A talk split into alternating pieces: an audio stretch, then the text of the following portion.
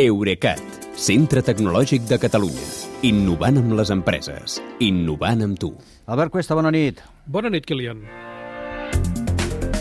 Havia avisat, el govern de Putin havia dit que potser faria això i ho ha fet.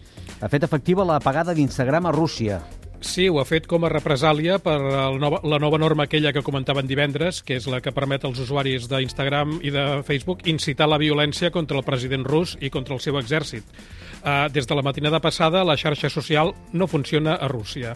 Això ha provocat, durant el cap de setmana, molts episodis en què influencers russos, d'aquests que tenen molts seguidors, li demanaven a Putin, amb llàgrimes als ulls, literalment, que reconsiderés la seva operació militar, però no ho feien per solidaritat amb la població ucraïnesa, sinó perquè sense Instagram es queden sense audiència i sense els ingressos publicitaris que aconsegueixen fent posturetes. Ja.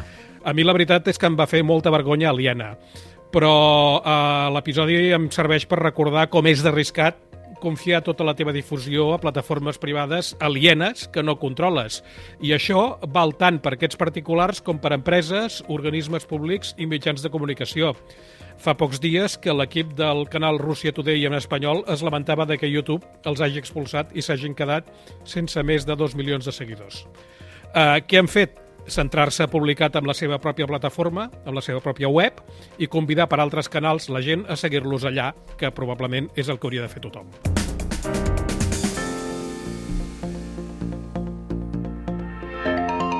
De tota manera, l'eficàcia dels blocatges digitals diríem que és relativa, perquè sovint hi ha manera d'esquivar-los demanant ajuda als amics. Uh, sí, aviam, els camins d'internet són gaire, gairebé infinits, uh, sense deixar de parlar d'Instagram, però anant a la banda de la desinformació. Com sabeu, uh, les empreses digitals ja porten uns dies que no admeten publicitat dels mitjans russos. Però és que resulta que amb el que va de més, Facebook i Instagram han publicat més d'una vintena d'articles de, de posts de pagament de la televisió estatal xinesa amb contingut contrari a l'OTAN i traient importància a la invasió russa d'Ucraïna.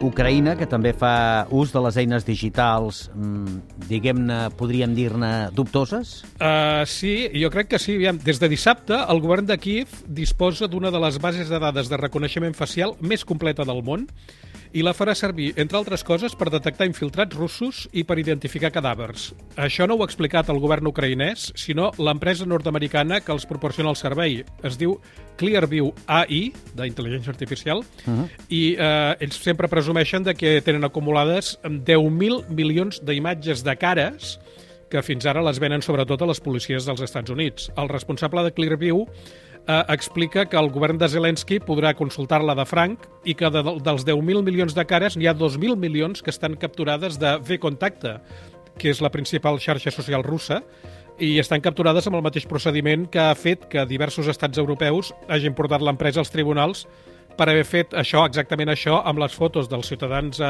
europeus a Facebook. Ja, yeah. o sigui que és molt probable que les nostres cares eh, eh, somrients o no, cadascú la seva, eh, estiguin, la de molts oients també, estiguin en aquesta base de dades? Doncs jo diria que és molt, molt més probable perquè 10.000 milions de cares són molt més que els humans que hi ha al món, vull dir que sí. hi ha de tothom. És molta de tothom, si més no, que estigui en una xarxa social eh, amb la seva cara. És molta cara, tot això.